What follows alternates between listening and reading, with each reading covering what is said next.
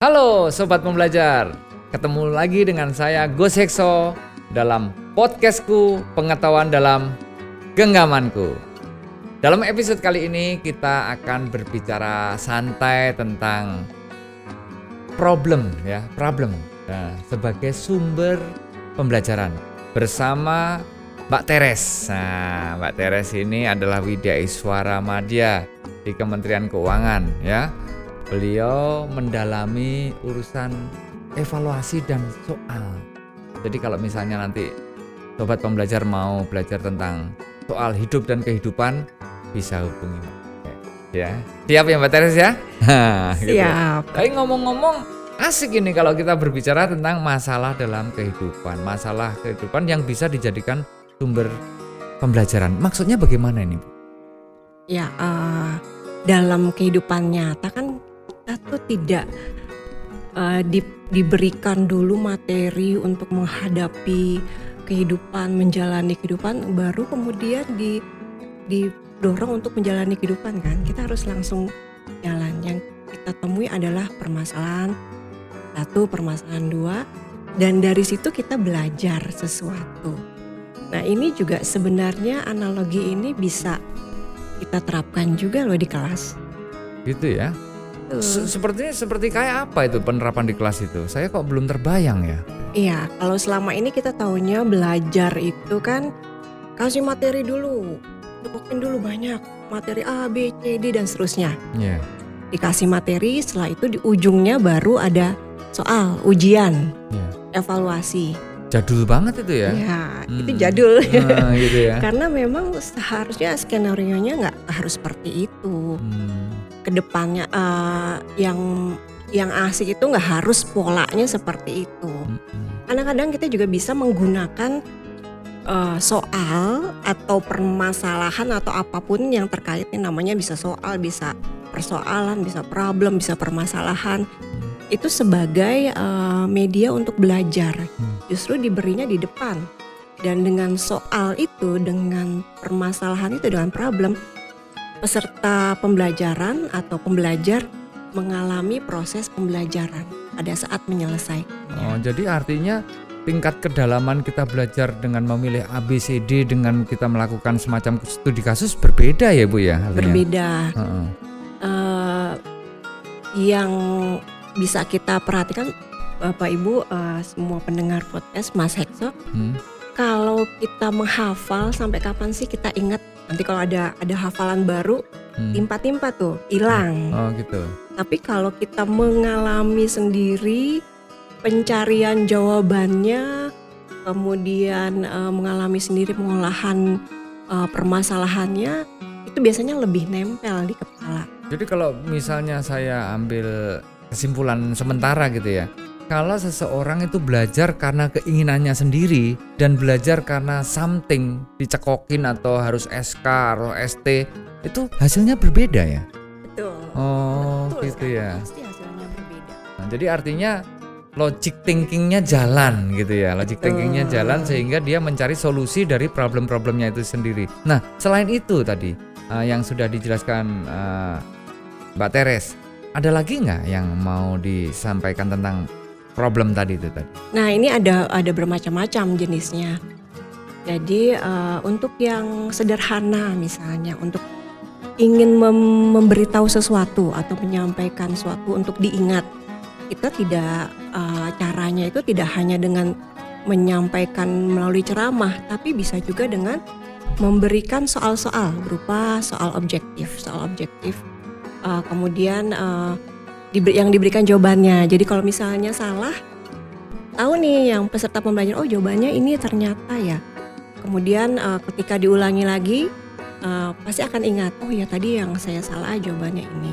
Ini nanti terkait dengan masalah psikologis kan kalau orang dikasih soal, kemudian diberi target, pasti pengennya, oh saya pengennya dapat nilai bagus nih, yang hmm. yang maksimal.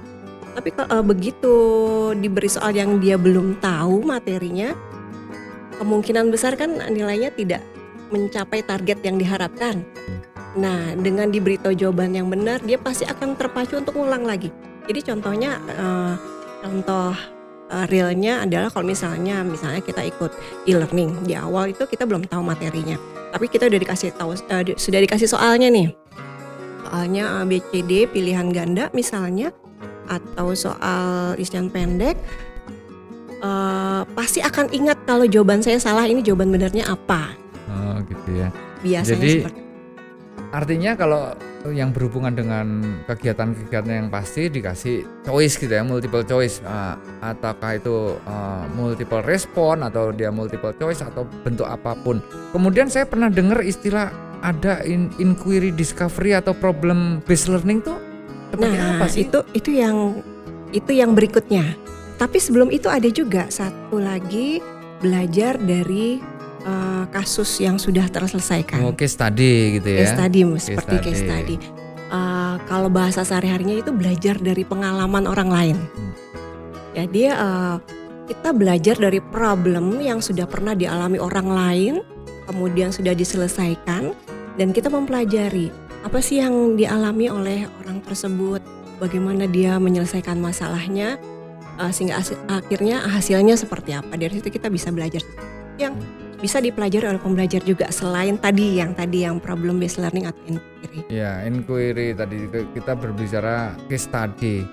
Tentunya kalau case study uh, agak sedikit repot buatnya ya, karena ini kan apakah harus true story atau enggak case study itu? Nah, ini dia. Case study ini oh ya, tidak harus yang nyata, bisa juga dari kak keadaan yang real tapi dimodifikasi. Dikasih bumbu-bumbu lah ya gitu bumbu. ya, kasih sinetron Dikasih ya, biar micin. keren gitu, micin. Biar enak, tambah micin, tambah gula gitu. Oke biar enak. siap. Jadi uh, asik juga itu ya. Jadi case study tidak harus dari uh, ini sobat pembelajar. Case study menurut Mbak Teres itu tidak harus dari kisah nyata, tetapi dari kisah nyata yang dikasih aksesoris, nah, dikasih micin, gula sehingga jadi sedep lah gitu lah. Sehingga case study itu bisa di, dilakukan dengan enak dan tidak membuat stres gitu ya. Nah, Oh. gitu. Itu untuk untuk jenis pembelajaran yang seperti apa? Apakah yang hanya materi apa namanya teoritis atau dia yang harus ada prakteknya gitu? Nah, case study ini juga bermacam-macam. Jadi ada ada case study yang eh, tadi ya, yang belajar dari pengalaman orang yang sudah terselesaikan itu satu jenisnya. Kemudian ada juga eh, dibuat ramuan nih permasalahan yang eh, penyelesaiannya itu sudah pasti ada jawabannya dan penyelesaiannya itu menggunakan teori tertentu atau menggunakan peraturan tertentu berdasarkan konsep tertentu. Yang kedua harus ada lagi eh, berdasarkan problem. Jadi kita menyelesaikan problem yang problemnya ini memang belum ada jawaban pasti gimana gimana menyelesaikannya. Dan ini nebak-nebak dong berarti itu. ya ini memang memer- memerlukan pengumpulan data, kemudian olahan data dan analisis data kayak semacam riset. Oh, kayak riset ya. Betul. Oh, jadi jadi sebenarnya riset itu kan juga menyelesaikan masalah. Problem eh, materi kita kali ini juga berhubungan dengan masalah. Oh, jadi riset. Keren itu ya.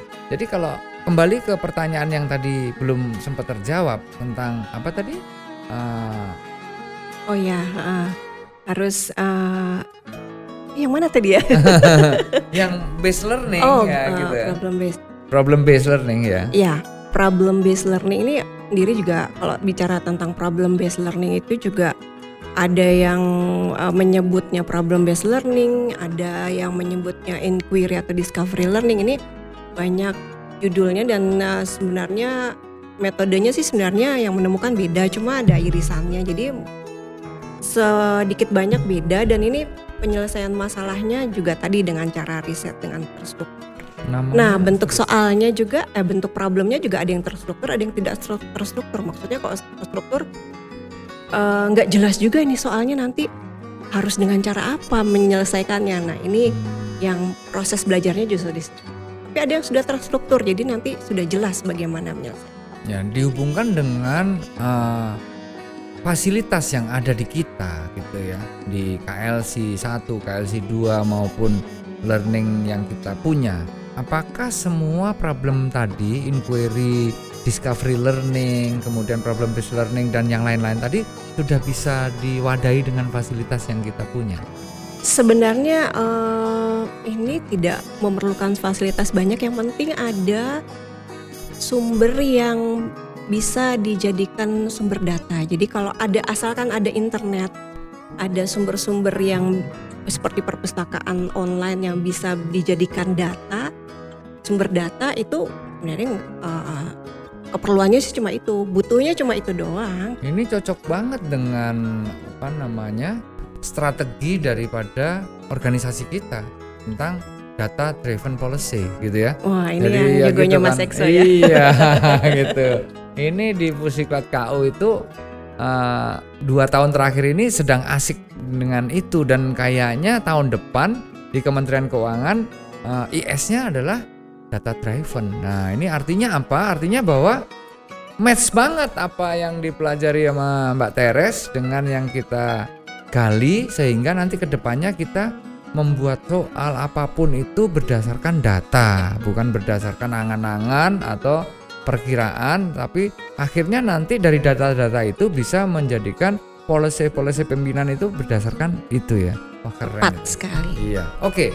Nah, satu pertanyaan lagi. Nah, kita sebagai Widya Suara itu sebagai fasilitator atau sebagai uh, apa ya penggerak atau sebagai uh, namanya pendorong atau apalah itu kira-kira apa sih yang harus kita lakukan? Gitu? Iya, ini pertanyaannya menarik karena gini, kalau misalnya uh, pembelajaran model seperti ini dengan kasus, dengan soalan, dengan problem, yang aktif kan pesertanya ya, yeah. pembelajarnya yang aktif apakah video iswaranya hanya bengong saja? Nah, nah itu maksud saya.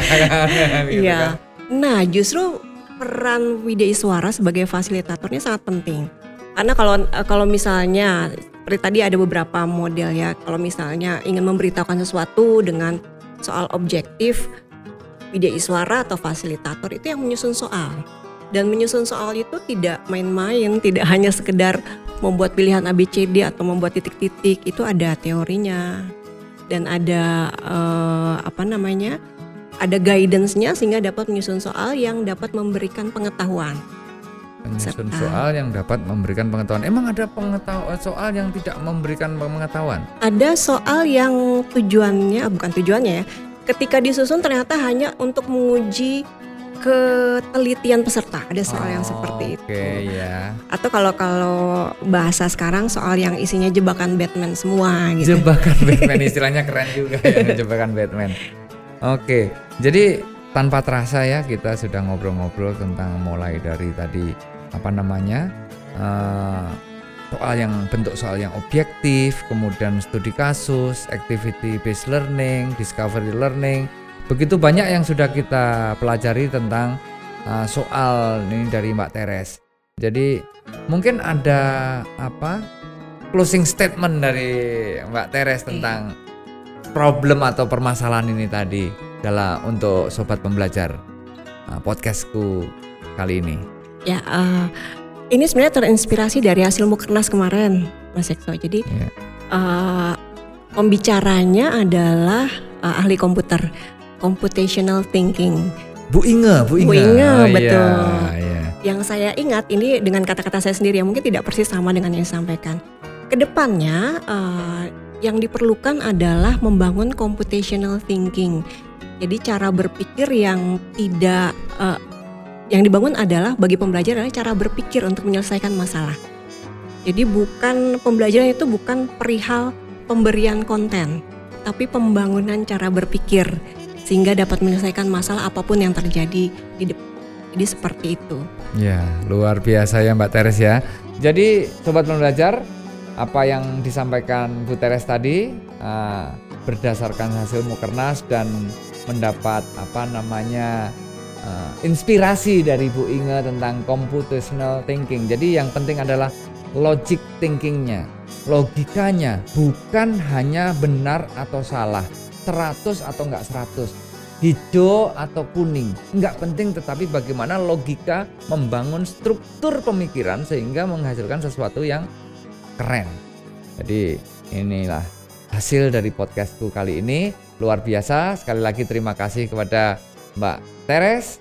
Dan kita akan ketemu lagi dalam episode yang lain dalam podcastku pengetahuan dalam genggamanku.